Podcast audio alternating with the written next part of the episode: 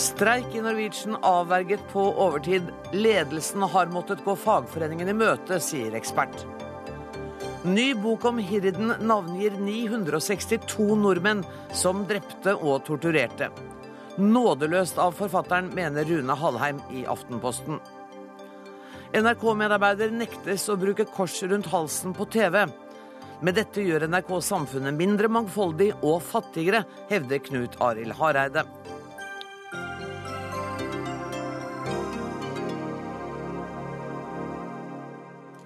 Dette er Dagsnytt 18 mandag. Mot slutten av sendinga spør vi om den norske kulturpolitikken svikter eliten og fornærmer folk flest. Men aller først. Det ble altså ingen streik i flyselskapet Norwegian. Det kunne riksmekleren fortelle pressen i dag tidlig. For etter drøye ni timer med forhandlinger på overtid kom piloten og selskapet fram til en avtale som de kunne enes om. Og leder i fagforbundet Parat, som har forhandlet på vegne av pilotene i Norwegian, Hans Erik Skjeggerud. Hvordan vurderer du det resultatet som nå ligger på bordet? Nei, Vi er, må si oss å være veldig godt fornøyd med resultatet. Denne meglinga og de forhandlingene som har vært gjennomført nå, har vært krevende. Inngangen til de var spesiell. Det Hvorfor det? det? det? er spesielt å gå inn i en megling der selskapet har gjort store omstruktureringer. Som åpenbart har betydning for eh, tariffavtalen. Eh, og der det også skjer ting i selve meglingsperioden. Eh, der bl.a. medlemmer hos oss i Sverige og Danmark fikk individuelle tilbud midt i meglinga. Som på en måte berørte det her. Så sånn sett så la det ei spesiell ramme rundt det hele. Men når vi da kom til ei løsning, eh, så handla det selvfølgelig om at vi fikk innfridd eh, noen krav som ble veldig, veldig viktige for oss etter hvert. Særlig det her med en felles eh, fortsatt tariffavtale for medlemmene våre i Norge, Sverige og Danmark. Ja, Sånn at de danske og svenske pilotene ikke skulle gå over i et eget driftsselskap som Norwegian skulle opprette. Hvordan, det, hvordan er det konkret løst? Eh, det er jo etablert et eh, datterselskap som heter, eller forkorta til NAN. Eh, der er de norske, svenske og danske pilotene virksomhetsoverdratt til. Det er nå inngått en tariffavtale for de i det selskapet. Sånn sett så er de fortsatt samla, og vi har én tariffavtale, sånn som vi har hatt. Vi har riktignok skifta motpart ved at det nå er NAN og ikke NAS som er moderselskapet. Um, hva har dere gitt for å få den avtalen på bordet? Eh, I en megling så er det, som eh, også har vært referert i media tidligere i dag, å gi og ta. Ehm, eh, det er klart, når vi gikk inn i meglinga, så hadde vi en rekke krav. Men så er det også sånn i en megling at underveis så må man spisse det som blir viktigst. Eh, hvis man ser på det som var helt åpenbart viktigst for oss, så fikk vi gjennomslag for det. Mm. Men det er klart, vi har ikke hatt fokus på lønn. Eh, det lønnstillegget som er gitt her, ligger antageligvis langt under det de fleste i norsk arbeidsliv har fått. Eh, og det er sikkert andre ting også som våre medlemmer mener de eh, ikke har fått nå. Skal resultatet gå til uravstemning? Det skal det, så vidt jeg vet, ikke gjøre. Okay. Eh, forhandlingsutvalget har fått et mandat, så langt jeg har forstått det. Flygersjef i Norwegian, Thomas Hesthammer, du representerer selskapet i Dagsnytt 18 i dag. Hvor langt syns du Norwegian har strukket seg i den avtalen? Ja, først må jeg si at uh, det har vært en ganske utfordrende mekling. Og uh, vi er veldig glad for at vi kom i havn uten streik, det må jeg si. Uh, det sparte våre kunder for store belastninger og frustrasjon, og ansatte for utryggheten. Vi hadde også selvsagt våre krav, og vi, det som det sies, vi, vi, må på en måte møtes på halvveien. Men vi har fått gjennomslag for det viktigste for oss, og det var muligheten for å kunne drive selskapet videre, altså rigge selskapet for en fremtidig utvikling i Europa. Hva, kan du gjøre det litt tydelig hva det innebærer? Det innebærer at vi har fått en eh, tariffavtale med pilotene i Norge som omfatter Norge. Og vi har også en avtale om å inngå en tariffavtale med Sverige og Danmark. Den er ikke helt ferdig ennå, skal bli ferdig i løpet av 14 dagers tid. Eh, og i det hele tatt så gjør dette eh, en basis som gjør det mulig for oss å ekspandere videre i Europa. Men jeg trodde dette var det motsatte av dere ville. For sist vi hadde Norwegian i studio, så var det snakk om at man ville skille ut danskene og svenskene i et eget og gi dem tilbud om lønnsforhøyelse, mens de norske pilotene skulle fortsatt være i det norske selskapet. Vi eh, har endret eh, litt strategi underveis, selvsagt. Og dette har jo eh, sammenheng med meglingen, sånn sett. Hvor det er snakk om å gi og ta. Men vi kommer fortsatt til å rigge også et EU-selskap som, som, skal drive trafikken ut, og veksten ut i Europa. Men sånn som det ligger an nå, så er Sverige og Danmark under hva skal jeg si, det norske selskapet. Thomas Estammer. Uh, Hans Erik Skjeggerud. Nei, Unnskyld, Skjeggerud, men jeg, jeg mente Skjeggerud. Ja, du, eh, vi, vi, eh, selvfølgelig anerkjenner selskapets etableringsrett, altså at de kan strukturere seg så som de vil. Det viktigste for oss har vært å, å fortsatt ha en kollektivavtale, altså en tariffavtale, som, som gjelder de her. Og, og, så har vi selvfølgelig hatt et fokus på at de ansatte pilotene må ha karrieremuligheter eh, i konsernet. Eh, at man ikke blir isolert i et datterselskap. Eh, det har vi fått på plass gjennom ei felles ansiennitetsliste eh, på konsernnivå som, som, gir de muligheter. Men det gir jo også selskapet fleksibilitet. Mm. Det ønsker våre medlemmer også å bidra til. Nå, Hesthammer, er det, er det sånn at begge har vunnet litt her? Begge parter har gått ut av dette og er fornøyde? Ja, jeg tror vi kan si det. Eh, trygghet for arbeidsplasser har vært viktig for, eh, for, Pilotforeningen, og samtidig også karrieremuligheter. Det har de fått. Og vi har fått vår del oppfylt. Og så har vi selvsagt eh, gitt på begge sider. Så jeg tror vi kan gå ut og si at vi, vi er fornøyd begge parter. Ja, for det dere har fått er en støtte på at dere kan ha strukturendringer. Dere kan ha en base i EU hvor dere kan fly Er det kortdistanseflyvninger hovedsakelig? Hovedsakelig. Det har dere fått fagforeningene med på? Ja, det stemmer. Dette, dette gjelder eh, det vi kaller shorthold, altså europaflyningene først og fremst. Og muligheten for eh, oss å ekspandere i Europa basert på det, eh, de trafikkrettighetene som, som, vi må ha for, gjennom et EU-selskap til å gjøre dette. Skjeggerud, det har tidligere vært diskusjoner om forskjellen i lønnsnivået på kabinpersonalet mellom f.eks. norske og thailandske. Eh, er dere opptatt av de samme problemstillingene når det gjelder pilotene? Eh, vi, jeg vil bare benytte anledningen til å si at vi, vi, har aldri ment at vi skal ha norsk lønn i utlandet. Eh, norsk lønn hører hjemme i Norge, for Norge skiller seg ut fra andre land. Men vi er opptatt av at det er like konkurransevilkår. Og da kan det ikke være sånn at f.eks. Thai flyr i Europa og mellom Europa og USA. For der er det et annet lønnsnivå enn det er f.eks. på ruta mellom Bangkok og eh, Oslo og tilbake. Så her er det behov for å komme med noen reguleringer. Norwegian klarer neppe å gjøre det alene. Eh, men vi må jobbe på mange ulike plan for å få det til. Men det må gås opp noen linjer her. Eh, eh Spørsmålet rundt base og hva man legger i det begrepet, egentlig, det har helt åpenbart behov for en klar definisjon.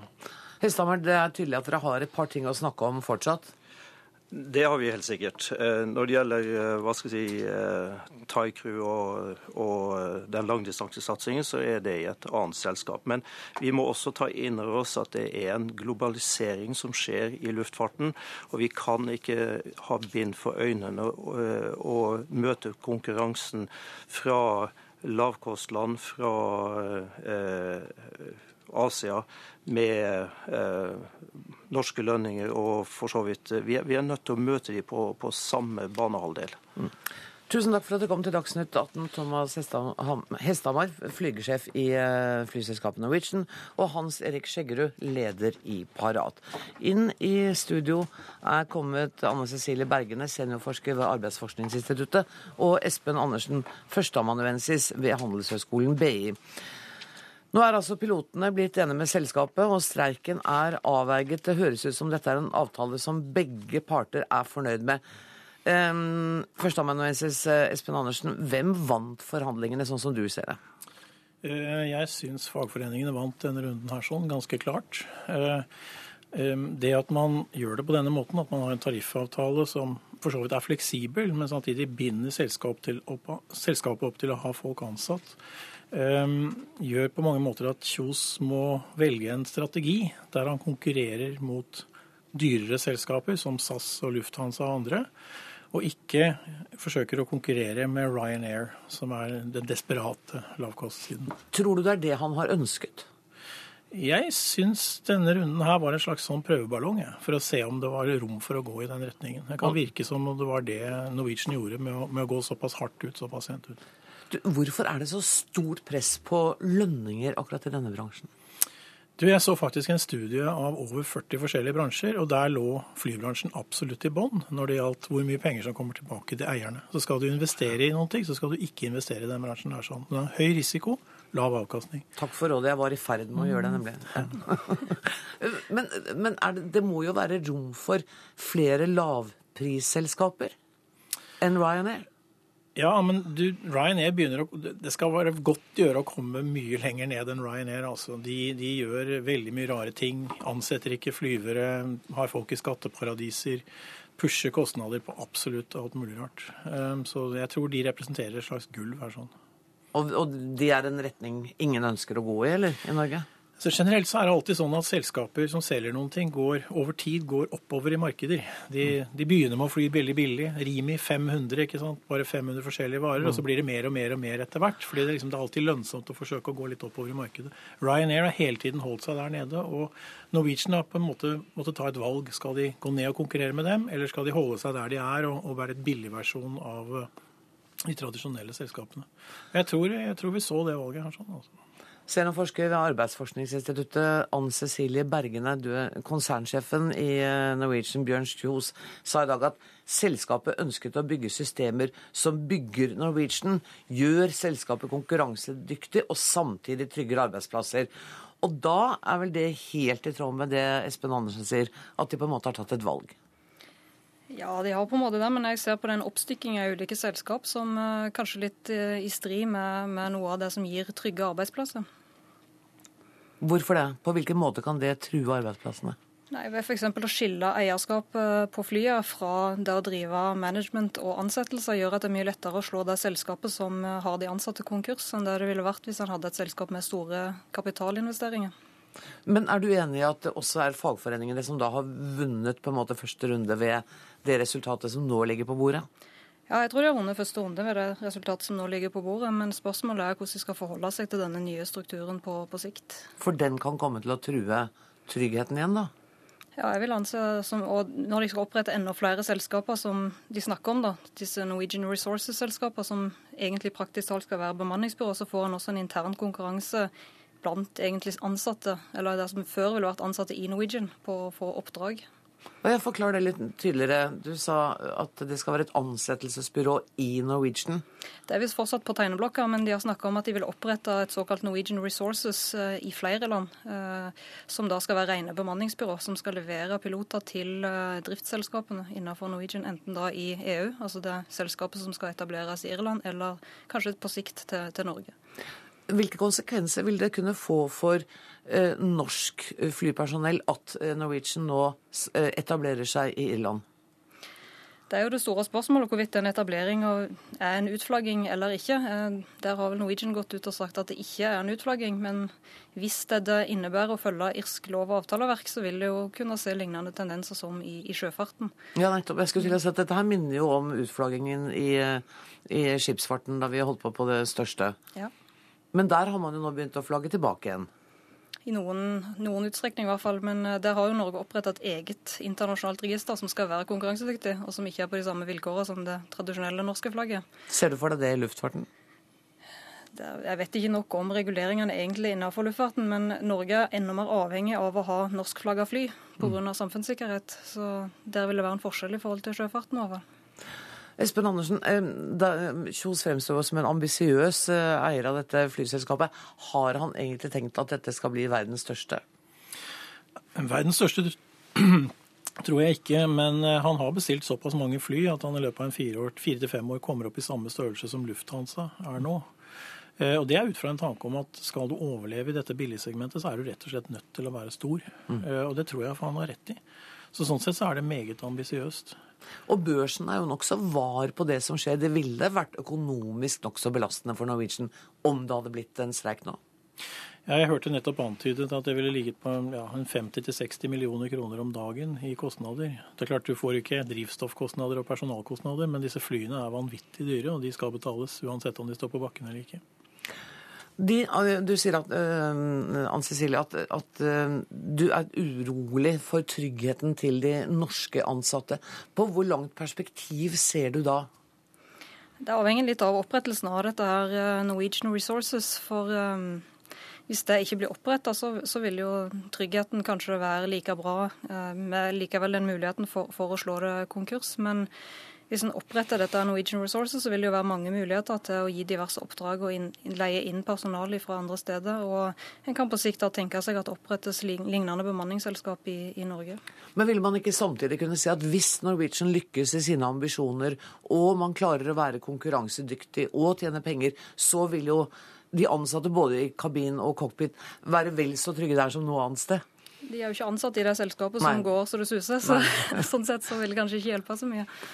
Men foreløpig må vi konkludere med at flyene går. Norwegian er eh, ikke i streik, og jeg er helt sikker på at vi kommer til å snakke om dette igjen. Tusen takk for at dere kom.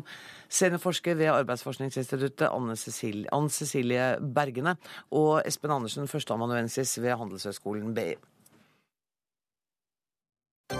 Hør Dagsnytt 18 når du vil, på nettradio eller som podkast. nrk.no – dagsnytt 18.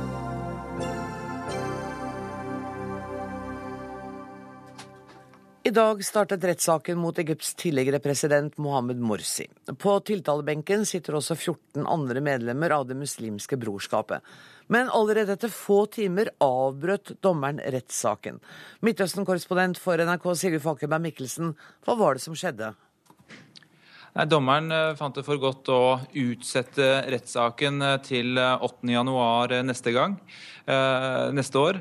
Det var to grunner til det. Altså det ene var at det skulle gi Forsvaret bedre anledning til å gå gjennom bevisene. Men så tror jeg også det var en måte å løse opp i de problemene som var i rettssalen i dag. Det var en meget kaotisk dag, og blant annet en, eh, et problem med at uh, Morsi ikke ville ikle seg uh, de samme klærne som de andre tiltalte, altså disse hvite draktene, men insisterte på å gå i, i, dress og sa jo også at han var Egypts president fortsatt, og anerkjente ikke denne retten som skulle dømme ham. Så det var nok en måte å, å løse disse problemene på uten å, uten å gjøre spe, spenningene unødig store. Ja, løse eller bare skyve under teppet? Det er jo ikke sikkert det blir noe bedre i januar? Nei, Det kan du godt si. Skyve det litt, eh, litt fram i tid. Eh, men eh, dette var første, det første rettsmøtet siden Morsi ble arrestert. Han har vært ikke vært i offentlig, offentligheten siden 3.7. Og det har vært uh, veldig spent her i Egypt opp mot denne rettssaken. sånn at det, det bidro kanskje til å, å, å, å Eh, ikke gjøre situasjonen enda verre enn den eh, er akkurat nå. Er denne rettssaken, når den kommer i gang, beregnet å ta lang tid? Det er umulig å si. Eh, det egyptiske rettssystemet er mildt sagt eh, komplisert og uforutsigbart. Eh, vi har sett hvordan rettssaken mot Mubarak har humpet og gått de siste par årene uten at det egentlig har kommet noe konkret ut av det. Nå kan det ha sammenheng med at det kanskje var interesser som ikke hadde så veldig lyst til å få han dømt. Men dette, er, dette tar tid, og det er jo også mange forskjellige rettssaker som, eller tiltaler som ligger inne mot ham. Og rettssystemet har mange muligheter og kan nok finne kreative løsninger i gåseøyne. Mm. Hvor lett er det for dere pressefolk å følge rettssaken? Eh, det er eh, relativt eh, vrient denne gangen, bl.a. fordi det var forbud mot å ta bilder og lyd inne i rettssalen. De var også veldig restriktive med antall journalister som ble sluppet inn. Sånn at vi måtte lene oss på de resumeene vi fikk fra eh, noen få journalister som var der inne. Og så var vi andre, eh, fleste av oss i hvert fall, utenfor rettssalen, hvor det var et stort sikkerhetsoppbud og et par hundre av tilhengerne til Mohammed Morsi. og Der var det også tidvis ganske spent mellom journalister og Morsi-tilhengere. I hvert fall blant en del egyptiske journalister. og Noen av Morsi-tilhengerne gikk jo til angrep på disse journalistene også. Kristian Takvam Kint, du er eh, forsker ved Fafo og sosiolog med Egypt som hovedfelt. Og du har bodd i Kairo senest i fjor. Hvordan vurderer du det nå som skjer i Egypt og rettssaken mot eh, Morsi? Nei, Det er vanskelig å ikke se denne rettssaken også som en del av et politisk spill. Vi så da Mubarak ble satt av i 2011 at militæret som tok makten, prøvde å stille han og hans tilhengere for retten. Morsi prøvde å stille sine motstandere for retten da han tok makten. Og nå når eh, Morsi ble kuppet, så er det da militæret som ikke bare stiller han for retten, men veldig mange av tilhengerne. Og det er klart Når det er et land hvor to presidenter har blitt stilt for retten på under to år, så er det tydelig at ikke demokratiseringsprosessen er på en helt god vei. Og at det, måte, det er litt vinnerne som bestemmer hvem som blir stilt for retten i Egypt. Og det er ikke nødvendigvis heldig for utviklingen. Nå sier han også at han ser på seg selv som landets rettmessige president, og ikke anerkjenner retten. Hvordan lover det aspektet også for den demokratiutviklingen som du snakket om? Ja, nei, ikke sant. Du kan jo tenke at du må både ha legitimitet til de politiske institusjonene og en legitimitet til rettsstaten for at et demokrati skal kunne vokse frem. Og Tilliten til de politiske institusjonene ble for mange brutt da Morsi ble satt av, en legitimt valgt president ble satt av, i juli. Og så når han står der og sier at 'jeg anerkjenner ikke retten', så er det i hvert fall ja, det er en underdrivelse å si at den egyptiske rettsstaten er under press. Ja, nettopp. Eh, men hvorfor er det bare Morsi og ikke f.eks. innenriksministeren også som er tiltalt? Nei, det er det mange av Morsi-tilhengerne sier, at Mohammed Ibrahim, som også var innenriksminister da militæret hadde makten i 2011, er ansvarlig for vel så mange drap på demonstranter som det Morsi er. Det er, det er litt sånn at du kan finne legitim grunn til å stille omtrent alle toppolitikere i Egypt for retten. Så da er det bare spørsmål om hvem du tar, og da blir det liksom aldri helt rettferdig. Selv om til og med rettssaken skulle vært rettferdig i seg selv. Hva tror du? Eh, jeg skal ikke be deg spå om framtida, men, men, sånn som situasjonen er, eh, kommer han til å bli dømt i januar? Altså, det, jo, det ville vært overraskende om han blir frifunnet, for å si det sånn. Utover det så er det vanskelig å si. Men så er det viktig også å tenke at denne det er interessant hva denne rettssaken fører til, men det er ikke det som kommer til å være viktig å bestemme Egypts framtid heller. For de fleste egyptere så er det viktigste å ha på en måte mat og brød og ha nok penger til å overleve. Og det å få Altså, det hjelper ikke til salt i maten å få Morsi dømt til døden heller. Så det er andre ting som kommer til å styre hvordan Egypt går videre.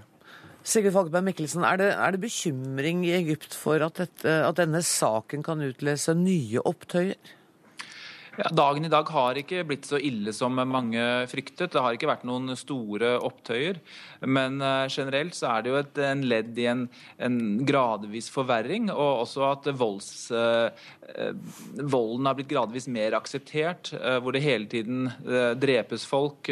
og det er eksplosjoner, det er uh, mishandling av fanger. Altså det er, det er en vold som, uh, som ikke eh, ble akseptert på samme måte. Det har blitt en sånn uh, forflatning av hele den prosessen. og Eh, det, noe av det som gjorde at uh, Morsi nå uh, mistet mye, mye, støtte, var jo det som skjedde, og det er det han dømmes for, uh, eller tiltales for nå. Det som skjedde utenfor presidentpalasset i desember i 2012. og Det var riktignok en stygg, stygge gatekamper. Jeg var selv, var selv, der. Det ble drept flere mennesker, men da var folk rystet over at ti mennesker ble drept. Det er det ingen som er lenger. og Det er, det er noe av den triste og dramatiske utviklingen her nede nå. Er du enig med Kinti at dette at rettssaken også kan se ses som et politisk spill, eh, ikke akkurat styrker demokratiutviklingen i, i Egypt? Ja, Det er helt uh, åpenbart. Uh, og uh, Det er jo en, mildt sagt en veldig veldig vrien situasjon her nede nå. Og den rettssaken og det kaoset som oppsto, illustrerer jo det. Hvor folk er grunnleggende uenige om så å si alt. Hvis jeg bare kan legge til at Det er jo ikke bare, det bare rettssaker mot muslimske brorskapet heller, men de har jo også oppløst brorskapet som en lovlig organisasjon. De har arrestert veldig mange flere enn de de har stilt for retten. og de drepte mange hundre da de oppløste demonstrasjonene mot brorskapet. Så det er på en måte en, et ledd i en svær kampanje for å frarøve dem deres politiske makt. Og fortsettelsen av rettssaken må vi altså vente til januar. Da møter vi sikkert også dere igjen. Tusen takk skal du ha, Sigurd Falkenberg Mikkelsen. Takk også til eh, Christian eh, Takvam Kint. Hør Dagsnytt 18 når du vil nettradio eller som podkast. nrk.no – dagsnytt 18.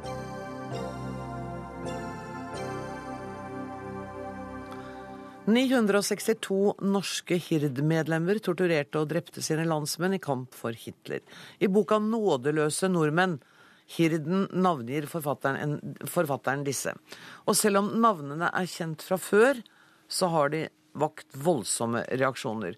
Rune Hallheim, du er litteraturansvarlig i Aftenpostens eh, kulturavdeling. Og du er en av dem som har reagert kraftig på at uh, Erik Veum har offentliggjort, eller ikke offentliggjort, men gjentatt disse navnene, for de har vært offentliggjort tidligere. Hvorfor er det så galt? Fordi sånn som det ser ut i boken, har han gjort det med hva skal vi si, ganske bred penn, uten å skille mellom ja, skitt og kanel. Altså her er 15-åringer som er kommet med som, som eh, vi etter hvert fall i dagens regler ikke ville tenke på å offentliggjøre navn på, selv om de var tiltalt og dømt i en alvorlig rettssak. Her er f.eks. Olav fra Mandal som eh, deltok i en aksjon etter ulovlig matvarer, radiovåpen. Det kan godt hende han har gjort grove, alvorlige ting. kan godt hende han var motorist, men det står ikke her. Og dermed så mangler begrunnelsen, etter mitt hode, for å offentliggjøre navn på en sånn person i dag. Sånn at hvis eh, VM hadde bare offentliggjort navnene på dem som var eldre enn 15 år, og også dem som hadde gjort alvorlige forbrytelser, så ville det vært greit for deg, eller? Ja, altså, det går en del mennesker omkring i dette landet i dag og heter Rinnan til etternavn. Det er sikkert ikke bare enkelt, men det er sånt som man faktisk må leve med når en av de verste krigsforbryterne i Norge hadde samme etternavn. Det kan man bare ikke rømme ifra. Men, men, hadde det vært greit hvis han hadde navngitt folk og bedre dokumentert, etter din mening, hvilke forbrytelser de hadde begått, og at de var eldre da de begikk dem? Ville det vært greit da? Hvis det hadde vært 20-åringer, f.eks.? Ja, altså For det første så syns jeg jo det er rimelig krav at det skal være voksne folk man, man skriver om. Det er nå det ene. Men jeg konstaterer jo at VG i dag har anonymisert de 20 verste folkene. Med andre ord, eh, deres vurdering er at man faktisk burde anonymisere samtlige Eh, VM sier han har eh, holdt seg til det som var eh, lov og rett i 1945 og utover når disse sakene ble behandlet. Men nå er det altså gått ca. 70 år. Vi er kommet til 2013, og da bør vi kanskje håndtere dette litt annerledes. Har du gått over en etisk linje her, VM? Nei, overhodet ikke. Det ville vært helt uforsvarlig jeg gjentar uforsvarlig å skrive en sånn bok som knytter nordmenn til så grove forbrytelser som det er snakk om her, som grov tortur, mishandling, eh, sadistiske drap, eh, hvor hensikten var å pine eh, enkeltpersoner så lenge som mulig før de fikk lov til å dø. Det har vært helt uforsvarlig å skrive en slik bok uten å fortelle hvem som gjorde hva, og hvem som ikke gjorde det. Um, alle disse 962 har ikke begått den type grove voldshandlinger? Nei da, og det er tydelig forklart hvem som har, har gjort hva her, og nettopp av, av, den grunn. Og eh, det dras frem eh, et, en liste her fra, fra mm, Hirdens bedriftsvern, antar jeg. Um, hvor det dras frem razziaer, og det var jo nettopp en del av Hirdens jobb også, å delta i væpnede aksjoner sammen med Gestapo. Eh, det som du ikke leste opp, er jo at eh, i disse, disse razziaene så ble det jo drept motstandsfolk med hirdmenn som vakter, og det er også et viktig poeng å få frem. Men en 15 år gammel gutt, kan ikke hans etterkommere få lov å slippe å lese det navnet om igjen? Den 15-åringen eh, begikk tre drap. Han pleide å stikke ut øynene på fanger med bajonett. Og det var mange 16-åringer der også, og 18-åringer og 19-åringer Um, ved å anonymisere uh, disse, så ville jo vi kastet mistanken på mange av dem, og noen av dem lever faktisk fortsatt. Uh, lever noen av disse medlemmene av Hirden også, som du omtaler? Ja. Og du har snakket med noen av dem? Ja. Hvordan har de tatt imot deg? Nei, Det har vært litt forskjellig. en del har ikke hatt ønsket å ha noe kontakt. Jeg har selvfølgelig respektert det. Andre har ønsket å, å ha dialog. Du har respektert det, men allikevel offentliggjort navnet deres? Ja. ja. Fordi altså, alle må behandles likt når man skal skrive en slik bok. Eh, de jeg har hatt kontakt med og dialog med, det har seg vært, eh, vært, helt grei og, og, ryddig. Men det som er viktigere her, og, og, det som er eh, påfallende både denne gangen og i fjor når jeg ga ut boken om statspolitiet, er at det kommer noen indignerte journalister og litteraturanmeldere og historikere og prøver å bli talspersoner for familiene. Familiene sier noe helt annet. I stor grad så er de eh, forholdsvis rolige på dette. Det de sier, er at ondskap det å ønske å begå ondskapsfulle handlinger, det går ikke i arv. Det er ikke sånn at selv om min farfar tok livet av en jugoslavisk fange i Nord-Norge, så er jeg i stand til å gjøre det samme. De greier å skille mellom disse tingene, som da tydeligvis eh, sånne som Hallein ikke greier. Og det å, å, snakke som du gjør i dag, om at jeg dømmer dem igjen, da sier du jo faktisk det samme som at eh, de fortsatt skal skamme seg. Og det gjør ikke disse etterkommerne. De greier å se at det har gått mange tiår. Jeg har tatt mine valg, som disse personene sier, mens min farfar tok sine. Halle. Jeg sier ikke at disse folkene skal skamme seg. Jeg sier at det vil sannsynligvis være en belastning for dem å få dette offentliggjort. Det er noe helt annet. Eh, jeg har heller ikke gjort meg til talsperson for noen. Det har jeg skrevet, har jeg gjort i mitt navn og ingen andres navn. Eh, og det er min mening. Så eh, du sier at du måtte gjøre det slik. Jeg har ikke hørt egentlig noen gode argumenter for det. Det går faktisk an å gjøre det annerledes. Det er et valg du har gjort, og det valget syns jeg du skal vedkjenne deg. Ja, naturligvis. Det er det jeg sitter og gjør. Og jeg syns det er viktig at vi som journalister da, i hvert fall, vi jobber jo etter den den uh, metoden at det vi gjør, i hvert fall her i NRK det sånn, det vi gjør skal kunne ettergås og kontrolleres av andre. Denne boken kan ettergås og kontrolleres ned til hvert minste komma, nettopp fordi det er full åpenhet. Jeg har ikke lagt skjul på noen ting. Ved å anonymisere så er det ikke mulig å ettergå eller kontrollere eller sjekke. Og Det er, det er det som er ulikt på en sånn bok laget av en journalist, og det som kanskje en historiker ville gjort. Og kanskje er det sånn at for etterkommere så er det ikke så farlig. Jeg mener, Mange av dem har jo et helt annet navn. Man vil ikke kunne identifisere en oldefar lenger, og man kan bare fortsette å leve i uvisse. Ja, men altså, det er jo et valg eh, folk får gjøre. Altså, Disse folkene er, er, dømt for landssvik og for andre forbrytelser. Men de er jo ikke nødvendigvis dømt til å, å tilstå dette overfor sin egen familie, selv om man kan mene mye om det. Mm. Så eh, dette blir liksom en, en helt annen sak igjen. Og det er ikke bare her vi debatterer dette i dag. Jeg har sett på voldsom storm på Twitter og i kommentarfeltene. Så det er vel ikke siste gang du snakker om denne boka i dag heller, Erik Wem? Nei, og problemet, eh, slik mange ser det i dag, er ikke at det blir navngitt her. Problemet er at det vekker oppsikt at folk blir navngitt etter 70 år. Mm. Tusen takk skal dere ha, Erik Veum, forfatter, og Rune Hallheim, litteraturansvarlig i Aftenpostens kulturavdeling.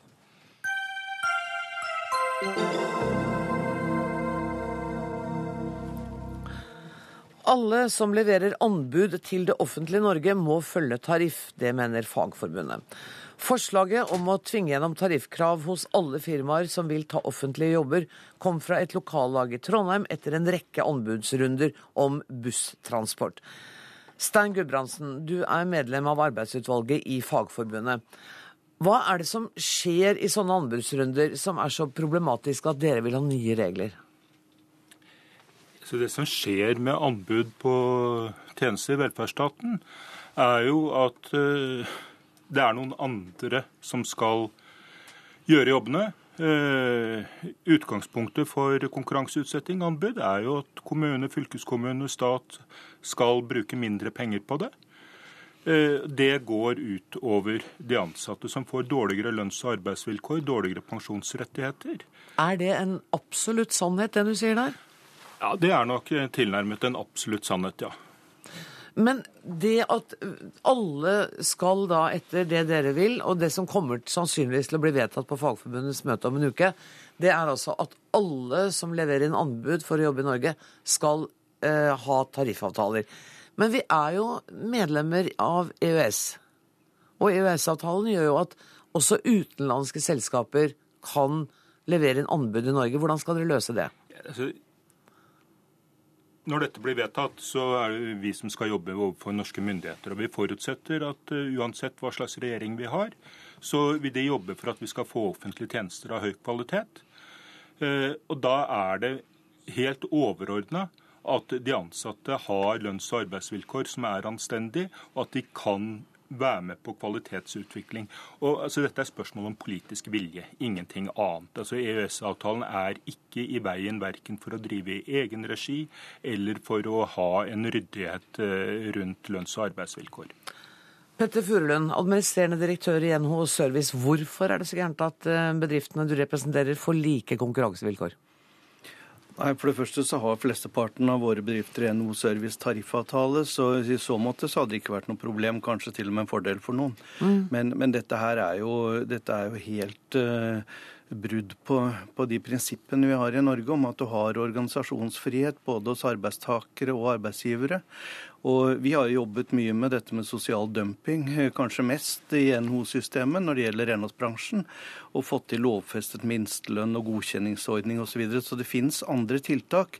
Og jeg har stor respekt for at man, eh, eh, når man nå får mange private aktører etter hvert innen, innen i offentlig sektor, at man stiller krav om lønns- og arbeidsvilkår. Men det ligger allerede i regelverket at for å levere til det offentlige, så skal du følge landsomfattende lønns- og arbeidsvilkår vilkår. Så er er i, real, helt... i, realiteten så er dere enige, men du nei, syns det er litt flisespikkeri å kreve tariff? Nei, vi er, ikke, vi er ikke enig i at man skal ha en tariffavtale. Nei, det er det jeg sier, du syns det er litt flisespikkeri. Eller at man skal syns... følge alle deler av en tariffavtale. Men det er klart at hvis det er bransjer som har spesielle problemer, så har vi verktøy som man kan bruke i dag til det.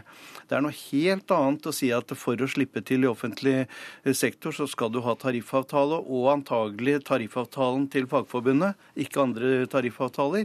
Det er egentlig en form for proteksjonisme, og det er det som, som jeg føler ligger bak her, sånn lite gjennomtenkt, men, men, at de ønsker å holde private aktører ute av dette markedet. Men det er vel ikke noe hemmelighet at dere ønsker å holde private aktører ute? Det er absolutt ingen hemmelighet at eh, vi mener at eh, kvalitet på offentlige tjenester blir best når man driver det i egen regi.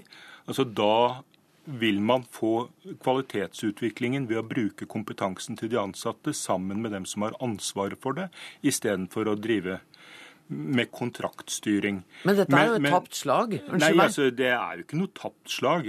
Det meste av velferdsstatens eh, tjenester foregår i egen regi. Ja, det meste, men det er åpnet for at det også er private aktører? Ja, det er det. Og det er derfor vi eh, Altså, det er den demokratiske utvikling at enkelte kommuner, enkelte steder i, i staten, så vedtar man å konkurranseutsette. Og da har man jobbet. altså Som Petter Furulund har bidratt godt på, at, eh, på renholdsbransjen. At vi har fått eh, minstelønn, vi har fått uh, allmenngjøring av tariffavtalen. Fordi han ser det samme som oss. At de useriøse virksomhetene, de som dumper lønna mest, de som snyter på skatt og ikke betaler skatt og ikke betaler moms, at de vinner, og det taper de seriøse virksomhetene hos Petter Furulund på. Sånn at, men her, De useriøse de finner smutthull hele veien. Og, og problemet både med ILO 94 og allmenngjøring er jo at du får bruken av underleverandører, mm. som, hvor vi stadig avslører eh, grov sosial dumping. Er det sånn at de seriøse aktørene vil tape på dette, føler Altså jeg mener at uh, vår jobb, kanskje i fellesskap, er jo også å oppdra det offentlige til å bli gode innkjøpere som ikke bare ser etter laveste pris, men også vurdere hva slags bedrifter man får inn, både når det gjelder arbeidsforhold og, og kvalitet. Men det er jo helt galt å tro at hvis man bare fortsetter å, å lar offentlig sektor være isolert for impulser utenifra, uh, så vil man få en, uh, få en dynamikk og innovasjon. Det er det man ikke får. Det er derfor det er så viktig at det private får bli et supplement og være med å utfordre litt, eh, det litt satte offentlige systemet. Så tror jeg de kommer til å være absolutt konkurransedyktige og mye stoltere av jobben sin. Ja, altså, de private i offentlig sektor de styres av kontrakter. Det er bestillerkontorene mm. som sitter og utformer dette. Altså sånn NHO Transport sier jo at det er kjedelig å være et busselskap i Norge, for de får ikke bruke kompetansen sin på å utvikle kollektivtilbudet. For det sitter i et lite lukket rom og gjør. Sånn at det eneste innovasjonen disse private selskapene driver med, er hvordan de skal øke profitten sin. Men, men altså, tror du nå, nå, kommer dere i Fagforbundet trolig til å vedta uh, dette forslaget om en uke.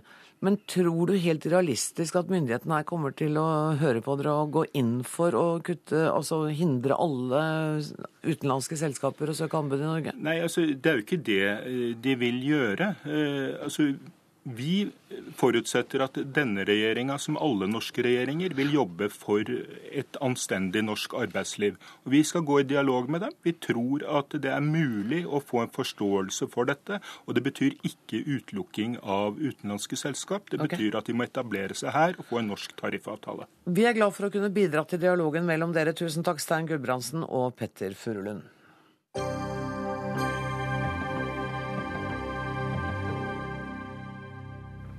En buss er kapret i Lærdal, ifølge Sogn og Fjordane politidistrikt. Det er opplyst om skadde, melder TV 2. Hovedredningssentralen ga oss denne uttalelsen for få minutter siden. Helsevesenet har anmodet om bruk av Sea King redningshelikopter i forbindelse med luftambulanseoppdrag, og det har vi sagt ja til. Eh, de ble skremla ca. klokken 18, og de er fremme der ca. klokken 19 inn i enden av Sognefjorden. I og med at det ikke er vi som koordinerer hendelsen, i og med at vi kun støtter eh, en annen eh, helsevesen i denne saken, så er det helsevesenet sjøl som får uttale seg om hva er det som foregår. For det er ikke vi som koordinerer hendelsen, og da er det heller ikke vi som uttaler oss om hva som foregår. Det sa redningsleder Asbjørn Viste ved Hovedredningssentralen i Sør-Norge. Reporter i Førde, Geir Bjarte Jetland, hva vet du om det som har skjedd? Ja, Vi må først si at dette er altså ikke Lærdal slik det først ble meldt. Det er på strekningen mellom Årdal helt innerst i Sogn og Tyen som eh, da er et fjellområde. Og Dette her er da Valdresekspressen, eh, som da er kapra av eh, en eller flere ukjente gjerningsmenn. Vi har fått bekrefta av politiet at det er flere skadde. Utover det så er politiet foreløpig veldig sparsommelig med informasjon. Eh, kan du si noe om når dette skjedde? Også tidspunktet er noe usikkert. Det skal ha skjedd eh, ikke så altfor lenge før klokken 18 i kveld. Jeg forstår at eh, helsepersonell har rekvirert Sea King-helikoptre for å bistå i arbeidet. Eh, vet du om det er kommet helikoptre og ekstra helsepersonell til stede? Det vi vet er at alt tilgjengelig personell, både av politi og helsepersonell, er skrembla, som det heter, eller utkalt, og sendt i retning av der bussen skal stå. Tusen takk skal du ha, eh, reporter i Førde, Geir Bjarte Jetland. Og det blir selvfølgelig mer om eh, denne busskapringen i våre nyhetssendinger både i radio og fjernsyn utover kvelden.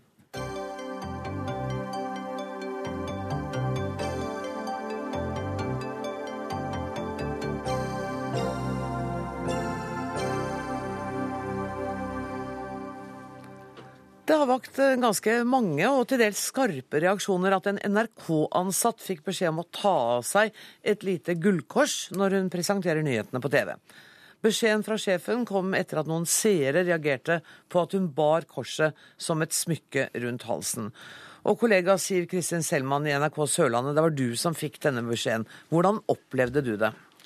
Jeg opplevde det egentlig som en helt grei samtale mellom min sjef Anders Aarheim og meg. Og eh, jeg sa også at det er ikke noe problem, jeg skal ta med det korset. Jeg må bare si at jeg har ikke gått med dette korset for å opponere eller provosere. Eh, jeg har gått med dette korset fordi det er et personlig smykke, og jeg har av og til hatt det på meg. Eh, vi har leita i dag etter bilder av meg på TV med det korset og slitt med å finne det, så det, det er kanskje tre-fire ganger siden jul at det korset har komme på min hals. Jeg har målt det 1,4 cm langt, og jeg trodde at det var så lite og nøytralt at, uh, at ikke det ville vekke noe oppsikt. Jeg har jo ikke lyst som journalist å utsette meg sjøl for altså At folk ikke skal tro på meg fordi jeg har et kors rundt halsen og leser nyheter. Eh, og så har jeg også tenkt at eh, korset er så normalisert i dagens samfunn at det kanskje ikke lenger er et sånn typisk bare religiøst symbol. Eh, så derfor så, så, sa jeg at det var greit at jeg tok det av, men så har det blitt en veldig diskusjon ut av dette. da. Mm. Hva betyr dette korset for deg? Altså, Jeg er kristen, så jeg går med det korset fordi jeg er kristen. Eller, for, altså, Jeg har fått dette av min mann som en gave, og derfor bruker jeg det jo privat. Jeg skjønner at det er forskjell mellom det å være privat og det å være nyhetsoppleser på TV, men som sagt så er korset blitt så normalisert. Det er på alle catwalker, eh, og alle mennesker bruker det. Så jeg tenkte at et sånn et lite kors ville kanskje ikke bli lagt merke til og oppfattes som et typisk religiøst symbol i dag. Eh, jeg har sett deg sitert på, med forbehold om at du er riktig sitert, at, ja. at du opplevde dette som korsnekt. Nei, altså den er tatt veldig langt. Eh, okay. Den korsnekten er det noen andre som har sagt. Jeg oppfatter det som en helt grei samtale mellom min sjef og meg. Uh, om at uh, det ikke var bra å gå med korset hvis jeg skulle fortsatt å være nøytral og uavhengig som journalist, og det ønsker jeg jo selvfølgelig. Tusen takk skal du ha, kollega Siv Kristin Selman. Uh, leder i KrF, Knut Arild Hareide, du mener det var feil å be henne ta av seg korset. Hvorfor det? Ja, Nå kom det iallfall fram at NRK har opptrådt veldig ryddig i denne saken. Men det prinsipielle ligger jo til grunn her. Skal det være rom for å ha et eh, religiøst symbol på seg som eh, nyhetsanker? Vi har hatt en debatt rundt religiøst symbol, og vi har eh, kommet fram at det er noen stillinger der det ikke er naturlig. Det gjelder polititjenestepersoner, og det gjelder bl.a. dommere. Men jeg tenker jo at i de fleste andre stillinger så bør vi egentlig ha rom for å være den vi er som hele menneske. Og tro eh, og identitet, det har eh, sterk betydning for personer. Og jeg tenker at da skal vi kjenne på et positivt mangfold. Og, og, som da kommer fram her, eh, hun bærte dette smykket fordi hun er kristen. Nå kan et kors være noe som du bærer ut ifra en religiøs betydning, men det kan òg være et rent moteplagg. Men det prinsipielle som jeg syns er viktig, er at det å bruke religiøse symbol, det bør det være plass til. Sånn at en, en, hijab i Dagsrevyen, en kalott, davidsstjerner, alt dette vil være helt akseptable antrekk for deg i en nyhetssending fra NRK? Ja. Per Arne Kalbakk, eh, sånn ser ikke du det. Du er altså nyhetsredaktør eh, her i denne institusjonen. Eh, og så vidt jeg har sett i dag, så fastholder du at programledere på fjernsyn ikke skal bruke religiøse symboler. Ja, det gjør jeg. Og så får jeg også understreke at dette er ikke noe jeg kom på, eller noen andre kom på i forrige uke. Dette er retningslinjer som var der da jeg begynte i NRK tidlig på 90-tallet. At uh, som nyhetsjournalister skal vi kle oss uh, nøytralt. Uh, Klesdrakten vår skal ikke komme i veien for uh, rollen som nyhetsjournalist. Og at det nøytralitetskravet er ekstra strengt for nyhetsprogramledere. Men hvordan skal og, vi da speile dette flerkulturelle, flerreligiøse samfunnet vi bor i? Nei, Vi har f.eks. Eh, lenge siden vi åpnet opp for at en nyhetsreporter kan bære kors, halvmåne, hijab, altså ute på jobb for NRK. Men grunnen til at dette er et spesielt krav for nyhetsprogramledere, er ikke at jeg syns personlig ikke det er noe problem. og Det har ikke å gjøre med at jeg ikke tror at våre journalister kan gjøre en skikkelig jobb selv om de tror. Men det handler om at en nyhetsprogramleder skal i prinsippet uh, servere uh, alle slags nyheter til alle slags mennesker. Kristne, muslimer, ateister uh, og folk som mener, mener ja, har, et tverrsnitt av alle meninger som finnes i dette landet. Og for når de skal gjøre det, så er det viktig at de har en nøytral klesdrakt, sånn at ikke de har verken klær eller symboler som kommer i veien for det nyhetsbudskapet. Og det er bakgrunnen for at vi har den regelen. Ja, og det er der jeg eh, syns det blir en misforståelse. Fordi i realiteten ligger jo det budskapet NRK sender her, at vi tror ikke at en muslim eller en kristen nettopp makter det. Å servere nyheter til absolutt alle. Eh, og det er der jeg mener at eh, det er den muligheten som, som ligger der. Mm. Eh, fordi at ja, du gir noen symbol med, med, den du er. Men jeg tenker at er det sånn at et nyhetsanker ikke kan få lov til å vise den helheten en er som person, og likevel kunne servere nyheter til absolutt alle? Eh, og jeg syns det blir litt sånn en misforstått at en, eh, eksempelvis i en eh, TV-stasjon som NRK ikke har et partipolitisk symbol på seg, syns det blir noe helt annet. Fordi at NRK ønsker jo nettopp å være nøytral på det partipolitiske. Men jeg tenker at i nettopp det religiøse, så ønsker hun å vise mangfoldet.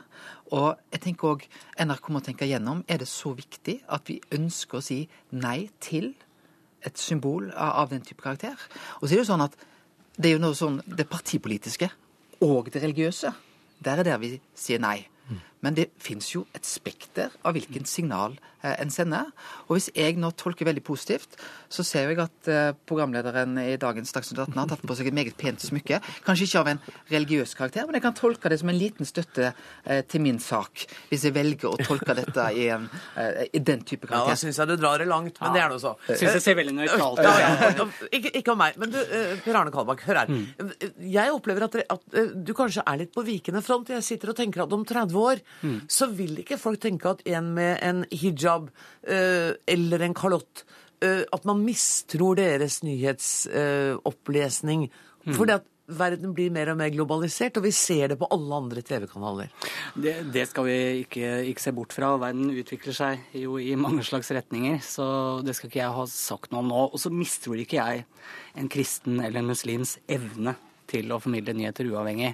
Men det som er et problem for oss, er hvis noen, eh, og det trenger ikke være alle, det trenger ikke være flertallet, men hvis dere oppfatter at det man mm. har på seg, kommer i veien for den nøytrale rollen man skal ha. La meg gi ett eksempel. Hvis en eh, programleder i Dagsrevyen, la oss si Nina Oving, skal ha en eh, debatt om, om bevilgning av penger til trossamfunn, og ha på seg et kors vil da en debattant kunne oppfatte at er jeg sikker på at hun er balansert og nøytral nå? Vil seer kunne oppfatte det? Da vil jeg mene at det kan være et problem. Eh, og Det er derfor, det er litt av bakgrunnen for at vi har den typen, eh, typen regler. Og det trenger ikke være religiøse eller politiske symboler. Hodeskaller, som noen har nevnt i dag, er et kraftfullt symbol for mange. Jeg ønsker ikke at nyhetsprogramledere skal ha på seg det i sendingen heller. Og ikke det? Nei, men jeg tror også, altså Dette som eh, herr Kalbakk sier, at dette går på hvordan seerne oppfatter dette. Mm. Men det òg vil jo kunne være i endring. Fordi at når seere opplever at personer med kors, eh, personer med eh, en turban, fremstår på en nettopp en objektiv, god måte, så vil en forstå dette. Og er, Mitt poeng er veldig enkelt at jeg synes vi skal ikke gjemme bort det religiøse i vårt samfunn. Og det syns jeg NRK på veldig mange områder er veldig flinke til. De er flinke til å nettopp løfte fram det religiøse. Og det syns jeg òg en kan gjøre eh, i den type mangfoldighet som det gis gjennom nyhetssendinger, og med at en får, får muligheten til. Fordi nyhetsankerne som ønsker dette. For jeg ønsker òg at nyhetsankere i NRK skal få være hele mennesket, være med den personen de er. Om de er eh, humanister, om de er ateister, om de er kristne, mm. om de er muslimer. Men regelverket kommer ikke til å bli forandra denne uka, men kanskje om noen år? Vi får se. Det vil vise seg. Og så har jeg sett at det er et voldsomt engasjement i dag. Mm. Vi har jo ikke hatt noen gjennomgående diskusjon av dette i NRK-ledelsen på en stund, og dette gir, om ikke annet, en grunn til, og en aktualitet til å gjøre det. Ja, men Så bra. Tusen takk for at du kom, Per Arne Kalbakk, nyhetsredaktør her i NRK. Knut Arild Hareide, leder i Kristelig Folkeparti.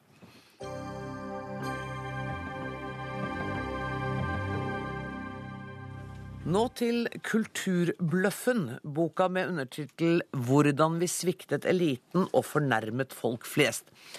Representerer du dem som er sveket, eller dem som er fornærmet, forfatter Christian Meisingseth? Ja, jeg, er nok mest eh, de som er fornærma. svekede. Ja, og fornærma. Fornærma over å bli sveka. Ja. Hva, hva, ville du med dette bokprosjektet her, hvor du bl.a. gir oss innblikk i dine opplevelser av ulike kulturarrangementer rundt om i landet? Ja, altså, jeg, jeg mm, skriver jo en del om den kulturpolitiske ideologien siden krigen, og om dens mål om å nå ut til hele folket og spre den fine kulturen til hele befolkningen.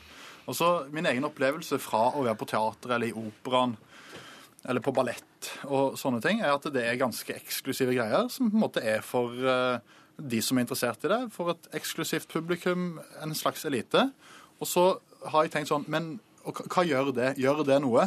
At vi gir en del ekstra altså en, en ganske mye penger, faktisk, til uh, samfunnets elite. Um, mens f.eks. de da som liker kino eller countryfestival på Brein Bedre, får mye mindre. Mm. Og eh, min konklusjon i boken er at det ikke gjør noe, faktisk. Det gjør ingen verdens ting. Men du latterliggjør altså kulturfolk og politikere når de sier at målet er at kulturtilbudet skal gjenspeile befolkningen.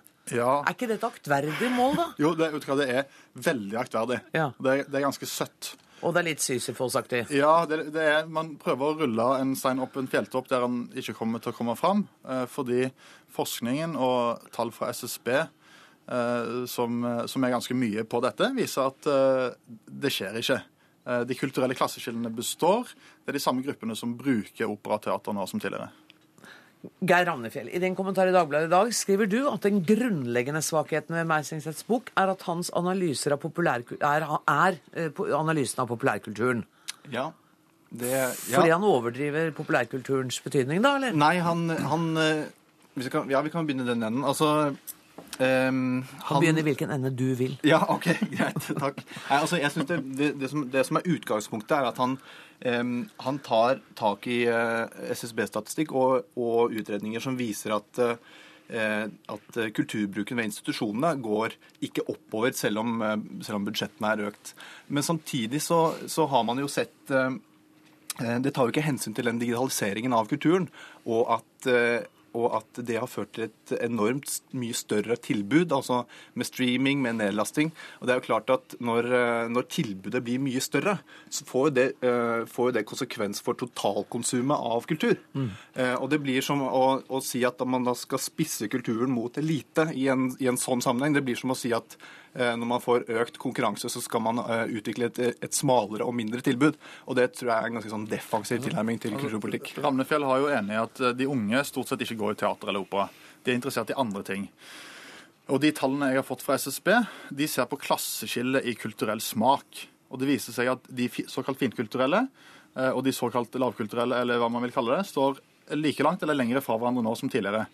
Um, og det da, da, så det som jeg synes er interessant, er at altså, Dagbladet er jo en, eh, en avis som på en måte burde være interessert i det. sant? Altså, når jeg var i Unge Høyre, så sa vi at nei, økonomiske klasseskiller finnes ikke lenger. Det finnes ingen økonomisk overklasse. Selvfølgelig gjør det det. Det er fryktelig naivt.